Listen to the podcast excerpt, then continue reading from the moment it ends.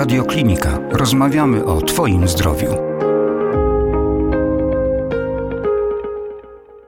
O zespołach skórnych towarzyszących nowotworom narządów wewnętrznych rozmawiam z panią profesor Ireną Walecką, kierownikiem Kliniki Dermatologii Szpitala MSWiA, Centrum Medycznego Kształcenia podyplomowego w Państwowym Instytucie Medycznym MSWiA w Warszawie. Witam pięknie. Dzień dobry, witam Państwa bardzo serdecznie. Mam wrażenie, że zależność ujęta w tytule naszej rozmowy albo jest marginalizowana, albo brak świadomości w tym temacie, a przecież skóra może być swoistym papierkiem lakmusowym zmian nowotworowych. Proszę Państwa, ja myślę, że skóra jest takim swoistym papierkiem lakmusowym, dlatego że istnieje wiele tak zwanych rewelatorów nowotworów narządów wewnętrznych, czy zespołów paraneoplastycznych, czyli takich chorób skóry, które mają związek z nowotworami, natomiast same nie są pochodzenia nowotworowego. Czyli mamy zmianę skórną, która jak gdyby pokazuje, że coś się dzieje wewnątrz organizmu.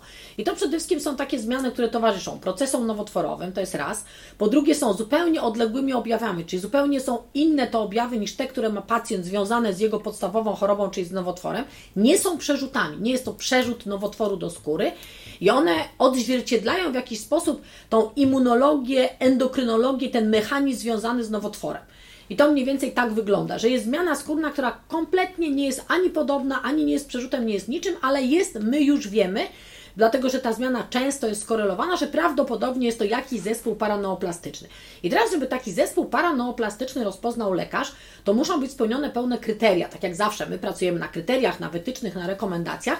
I tutaj przede wszystkim muszą to być nietypowe objawy skórne, które są oporne na standardowe leczenie. Bo na przykład mamy pęcherzycę, wiemy jak ją leczyć, dajemy leczenie i się okazuje, że po dwóch, trzech tygodniach nic nie jest lepiej, wręcz gorzej, chociaż stosujemy prawidłowe leczenie. Tak się oczywiście też zdarza, że sami leczymy pacjenta, który ma normalną pęcherzycę, ale nie jest lepiej, ale włączamy kolejną linię leczenia i wreszcie jakoś to się udaje opanować. Natomiast tutaj zupełnie nie. Następnie to, co jest charakterystyczne dla tych zespołów paraneoplastycznych, to jeżeli usuniemy nowotwór, ten narządów wewnętrznych, wytniemy go chirurgicznie, zrobimy radioterapię, damy chemioterapię, to zmiany skórne natychmiast ustępują. Czyli zupełnie leczenie, prawda, niestandardowe. I jedno, co jest bardzo ciekawe, to często jest tak, że gdy proces nowotworowy nawraca, to pierwsze pojawiają się zmiany skórne. Czyli jeżeli pacjent ma nawrót choroby nowotworowej, to on jeszcze nie wie. Wszystko jest ok, on się dobrze czuje, natomiast pojawienie się tych zmian skórnych, które były też wcześniej, u tego pacjenta przy. Jest sygnałem pierwszy, alarmowym. Jest sygnałem alarmowym, dlatego my nazywamy to alarming signal, czyli taki skórny zespół paranoplastyczny, który jest sygnałem alarmowym. E, oczywiście na pewno padnie od pana redaktora, bo ja już znam pana redaktora, więc wiem, że padnie takie pytanie, jak to jest, jaki to jest patomechanizm. No to jest przede wszystkim reakcja autoimmunologiczna, to jest reakcja zapalna, hormonalna, to są różnego rodzaju zaburzenia metaboliczne, bo czasami jest tak, że nowotwór wytwarza pewien na przykład glukagon i to powoduje wytworzenie dużego poziomu, powoduje to, że pojawiają się pewne zmiany na skórze, to są również pewne czynniki wzrostu, które wytwarza nowotwór, to są zaburzenia odporności komórkowej w przebiegu nowotworów, czyli to jest wiele różnych przyczyn, które które może być patomechanizmem właśnie powstawania tych zmian skórnych w nowotworach. Zmiany paraneoplastyczne to dość szeroka gama pojęć i objawów, między innymi rogowacenie ciemne. Tak, jak najbardziej. Tutaj jeszcze jedną rzecz tego chciałam dodać, że pamiętajmy, że mamy też takie tak zwane bezwzględne nowotwory markery, czyli do których właśnie należy rogowacenie ciemne, czyli to są takie zmiany, które prawie zawsze, powiedzmy w 90%, bo w medycynie nie ma nigdy nic na pewno, są związane z procesem nowotworowym.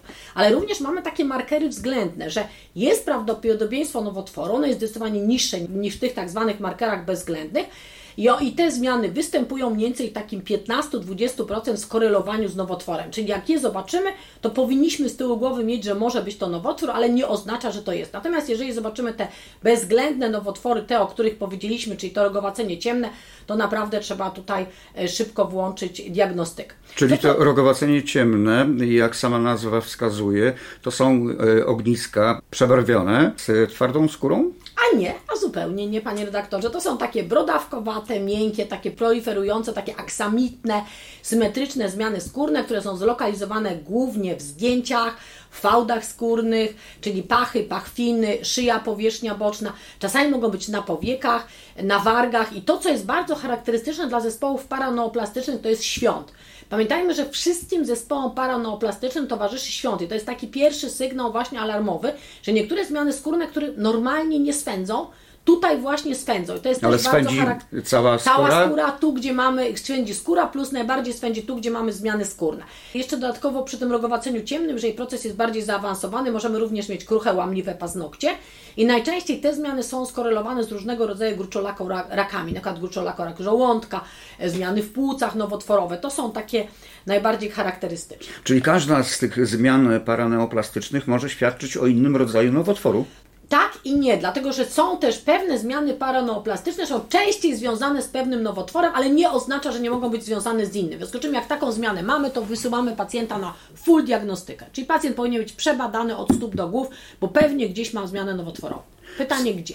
Wspomniała Pani o rogowaceniu ciemnym, ale istnieje też rogowacenie ciemne dłoni konkretnie. Tak, to są dokładnie takie same objawy, tylko to są zmiany te aksamitne, y, takie aksamitne brodawkujące na dłoniach. Te dłonie są pogrubiałe, takie troszkę obrzęknięte i przypominają jak gdyby tak jak wygląda właśnie to rogowacenie ciemne, to tu mamy, tu mamy to rogowacenie ciemne, ale tylko w obrębie dłoni. Jednym z takich e, objawów mogą być liczne brodawki łojotokowe. Tak, dokładnie. To się nazywa objawem Lessera trelata. E, oczywiście, jeżeli spojrzymy na osoby starsze, to są osoby, które mają liczne brodawki łojotokowe, ale te brodawki łojotokowe, jak zbieramy wywiad, pacjent powie, one mi przybywają już tak od 10-15 lat, ciągle mi ich przybywa, mam troszkę starsze, mam troszkę młodsze, ale generalnie cały jest pokryty brodawkami. Ale tutaj problem jest taki, że to jest nagły wysiew licznych brodawek, czyli pacjent do nas przychodzi i mówi, Państwo, w ciągu dosłownie 3-4 miesięcy pojawiło mi się tego mnóstwo. Ja tu prawie nic nie miałem, miałem parę brodawek i nagle pojawiły mi się te, i one strasznie mnie swędzą. I to już jest coś takiego dla nas, że my musimy zwrócić uwagę, że prawdopodobnie jest to, Czerwone światło. jest to objaw, tak, Lessera trelata, czyli związek z nowotworem jest naprawdę bardzo duży. W związku z czym pacjent do diagnostyki. Erytrema gyratum repens. Niestety brak polskiej nazwy. W związku z czym tutaj jest, prób- my nazywamy to rumieniem szybko wędrującym, to jest mega ciekawa zmiana skórna, bo proszę Państwa, to jest taka zmiana skórna, takie rumieniowo-pierścieniowe prążki, wygląda to jak słoje drzewa, jakby ktoś przeciął drzewo, to takie o, jak gdyby różne takie właśnie rumienie, pierścienie, które no niestety, ale już są rewelatorem takiego mocno zaawansowanego nowotworu, na przykład nowotworów płuc, natomiast niestety jest to już, jeżeli pacjent ma taką zmianę, to z reguły jest to już taki dość, dość kręcowy sta, stan nowotworowy. W których obszarach skóry pojawia się erytrema? Generalnie cały tułów, ręce, nogi, to jest, zaczyna się głównie od tułowia i zaczyna się rozszerzyć, takie różne na, nakładające się na siebie pierścionki. Rogowacenie dłoni i stóp jest również jedną ze zmian paraneoplastycznych Tak. towarzyszących nowotworom. Dokładnie, czyli zespół Bazeksa. Zwykle u mężczyzn, zwykle u mężczyzn palących. To, co jest e, takie ciekawe w tym zespole, to są takie zmiany, które wyglądają jak brudne, takie brudne stopy, takie pokryte łuskami, takie hiperkeratotyczne plamy na palcach dłoni, stóp, mogą być na uszach, mogą być na nosie. Mamy wtórnie dystrofię paznokci, czasami mamy zanokcice. E, I to są takie zmiany, które, e, Kat, jeżeli ktoś pracuje w kaloszach, czy pracuje w takich, prawda, no butach, e, jak pracuje się, nie wiem, no, w, w, przy pracach budowlanych, remontowych, to czasami... Gumofilce. Takie, dokładnie, to czasami nawet osoby nie zwracają na to uwagi. Natomiast no, to są takie bardzo charakterystyczne, takie mocno hiperkeratotyczne zmiany, często rozpoznawane jako zmiany właśnie jakaś taka grzybica, hiperkeratotyczna łuszczyca. Natomiast to właśnie rogowacenie jest, no nie jest one bardzo częste, nawet bym powiedziała, że jest to rzadki zespół, ale niestety to jest zespół, który na przykład towarzyszy rakom kolczysto-komórkowym, towarzyszy zwykle rakom przerzutowym do, na głowie, szyi, na tylnej części jamy ustnej, w gardle, w krtani, górne drogi oddechowe, przerzuty do węzłów chłonnych. Tutaj to jest właśnie też związane, tak jak powiedziałam, upalaczy, więc wszystko to, co jest związane z nowotworami upalaczy. Jedną z e, takich zmian, e, chyba dość e, ekstremalną, jest rumień nekrolityczny wędrujący. O tak, to tutaj to jest taka zmiana, gdzie 90% pacjentów ma cukrzycę. To są takie zmiany rumieniowe, pęcherzykowe z taką tendencją do obwodowego szerzenia się. One się początkowo y, z reguły y, usadawiają wokół e, otworów naturalnych, czyli wokół ust, również w okolicy pachwinowej, w kroczu, w szparze pośladkowej i niestety, ale powierzchownie ulegają martwicy, w związku z czym taki obraz jest takich licznych strupów, strupów nawarstwionych, zajadów, dodatkowo może towarzyszyć temu zapalenie języka, pacjenci mają rozlane takie łysienie i w 80% jest to rewelator raka trzustki, który wywodzi się z komórek, które produkują glukagon. Bądź ewentualnie z raka jelita grubego, czyli rak bardziej przewodu pokarmowego. A z czego wywodzi się pęcherzyca paraneoplastyczna? A pęcherzyca paraneoplastyczna to są nowotwory głównie narządów wewnętrznych, takie jak mięsaki, jak chłoniak B komórkowy, jak przewlekła białaczka limfocytarna, jak choroba Kastelmana, tam różnego rodzaju makroglobulinemię, Wolstroma, Grasicza. I to są takie pęcherze, bardzo, bardzo wiotkie pęcherze. W zasadzie w obrazie klinicznym bardziej widzimy takie nadżerki ze spełzaniem na skórka, natomiast w okolicy jamy mamy również takie nawarstwione strupy i bolesne nadżerki. One mogą być na spojówkach, mogą być w okolicy odbytu, mogą być w narządach, w okolicy narządów płciowych. I to jest właśnie ta pęcherzyca, o której mówiłam, że ona ma bardzo słabą odpowiedź na to standardowe leczenie. Jeżeli nie ma tej odpowiedzi, to trzeba myśleć, czy przypadkiem, zwłaszcza jeżeli osoba jest w starszym wieku, czy przypadkiem nie jest to właśnie pęcherzyca. Na liście zmian paraneoplastycznych także zapalenie skórno-mięśniowe a jest oczywiście zapalenie skórno-mięśniowe. To są takie dla odmiany zmiany rumieniowe i obrzękowe w obrębie twarzy, zwłaszcza w obrębie powiek. To pacjenci mają tak zwane rzekomo okulary. Są różnego rodzaju takie grudki, zmiany rumieniowe na grzbietach rąk, nad drobnymi tutaj stawami paliczkowymi. Mogą być zmiany takie rumieniowo-wybroczynowe na wałach paznokciowych i również jest taki objaw szala, to jest taki rumień na dekolcie i szyi. To jest y, choroba, która bardziej jest, jak gdyby towarzyszy kobietom, 15 do 30% osób w starszym wieku. U tych osób rozpoznajemy jakiś toczący się proces nowotworowy i jeżeli chodzi o kobiety, to najczęściej jest rak jajnika, e, może być rak natomiast u mężczyzn to jest najczęściej rak płuca, trzustki, jelita grubego. Natomiast to jest już taka jednostka chorobowa, która również pacjenci mają problem na przykład ze wstawaniem, z podnoszeniem rąk do góry, bo to jest zapalenie skórno-mięśniowe, czyli również ta grupa mięśniowa. Poza zmianami skórnymi mamy również osłabienie tej siły, siły no właśnie, czyli... mięśniowej, obręczy barkowej i obręczy biodrowej. Czyli nie tylko skóra, nie tak, tylko ta również, warstwa również powierzchniowa, mięśnie, ale tak. również e, Dokładnie. mięśnie. Bardzo groźnie brzmiące określenie piodermia zgorzelinowa. Oj, to jest bardzo groźne, bardzo groźnie przebiegające. Proszę Państwa, to jest taki marker zaburzeń hematologicznych. Tutaj głównie pacjenci mają różnego rodzaju gammapatie i białaczki.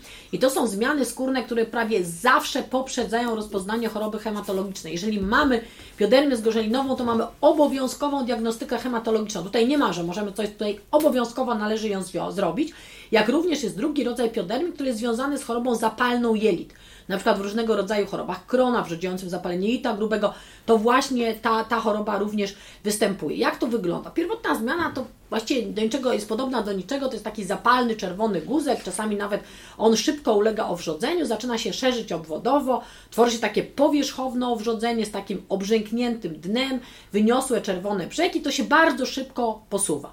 Z chwilą, gdy jest to wyleczone, to praktycznie pozostawia niestety brzydkie blizny, goi się zawsze z pozostawieniem blizn i to jest choroba związana z martwicą ścian naczyniowych i po prostu jak gdyby postępująca martwica naczyń, która jest związana z toczącym się w organizmie procesem nowotworowym, głównie nowotworem hematologicznym. E, I tutaj gdzie najczęściej zmiany? Głównie kończyny dolne, szybki przebieg choroby, objawy towarzyszące, pacjenci mają złe samopoczucie, mają gorączkę, mają bóle stawów i takie zmiany mogą się utrzymywać wiele miesięcy i to, co jest najgorsze w tych zmianach, że jedne się goją, a nowe powstają. Czasami, jeżeli nie opanujemy podstawowej choroby, no to niestety, ale, ale gdzieś tam te zmiany będziemy, będziemy cały czas mieli, w związku z czym trzeba leczyć chorobę podstawową i dopiero później y, y, zająć się zmianami. A metody leczenia zmian paraneoplastycznych? Pewnie są różne. Znaczy tak, pierwsza metoda to znaleźć przyczynę. Druga metoda usunąć przyczynę, czyli usunąć zmianę nowotworową i wtedy większość zmian nowotworowych się cofa. Natomiast leczymy je, jeżeli chodzi o różnego rodzaju pęcherze e, czy, czy zmiany skórne, to leczymy je tak jak standardowe zmiany skórne, tylko pamiętajmy, że one się standardowo nie chcą leczyć. W związku z czym tutaj to leczenie jest trudne. Tutaj Całość polega na tym, żeby szybko pacjenta zdiagnozować i wtedy faktycznie jest to leczenie tych zmian skórnych skuteczne. I jak się domyślam, te zmiany, o których Pani Profesor wspomniała, to tylko część zmian towarzyszących nowotworom narządów wewnętrznych. No oczywiście, bo jeszcze zapomnieliśmy, Panie Redaktorze, o pęfigoidzie paraneoplastycznym. To jest też coś takiego jak pęcherzyca. To są takie wtedy duże, napięte pęcherze. One tym się różnią od pęcherzycy E, paranoplastycznej, że w pęcherzycy mamy te pęcherze bardzo wiotkie, one bardzo szybko spełzają. Natomiast tutaj w pęfigoidzie mamy takie duże, napięte pęcherze na podłożu skóry albo zdrowej, albo właśnie na początku mamy zmiany rumieniowe, mamy zmiany pokrzywkowe, takie zupełnie nieokreślone, bardzo mocno swędzące. Jeżeli tego typu zmiany, taki pęfigoid, bo my go tak rozpoznajemy, pojawi się u osoby starszej, to bardzo często niestety on jest właśnie jeszcze mocno mocno swędzący, on jest manifestacją różnego rodzaju nowotworów. Tutaj zawsze trzeba szukać procesu nowotworowego, jeżeli taki pemfigoid pojawi się powyżej 60 roku życia.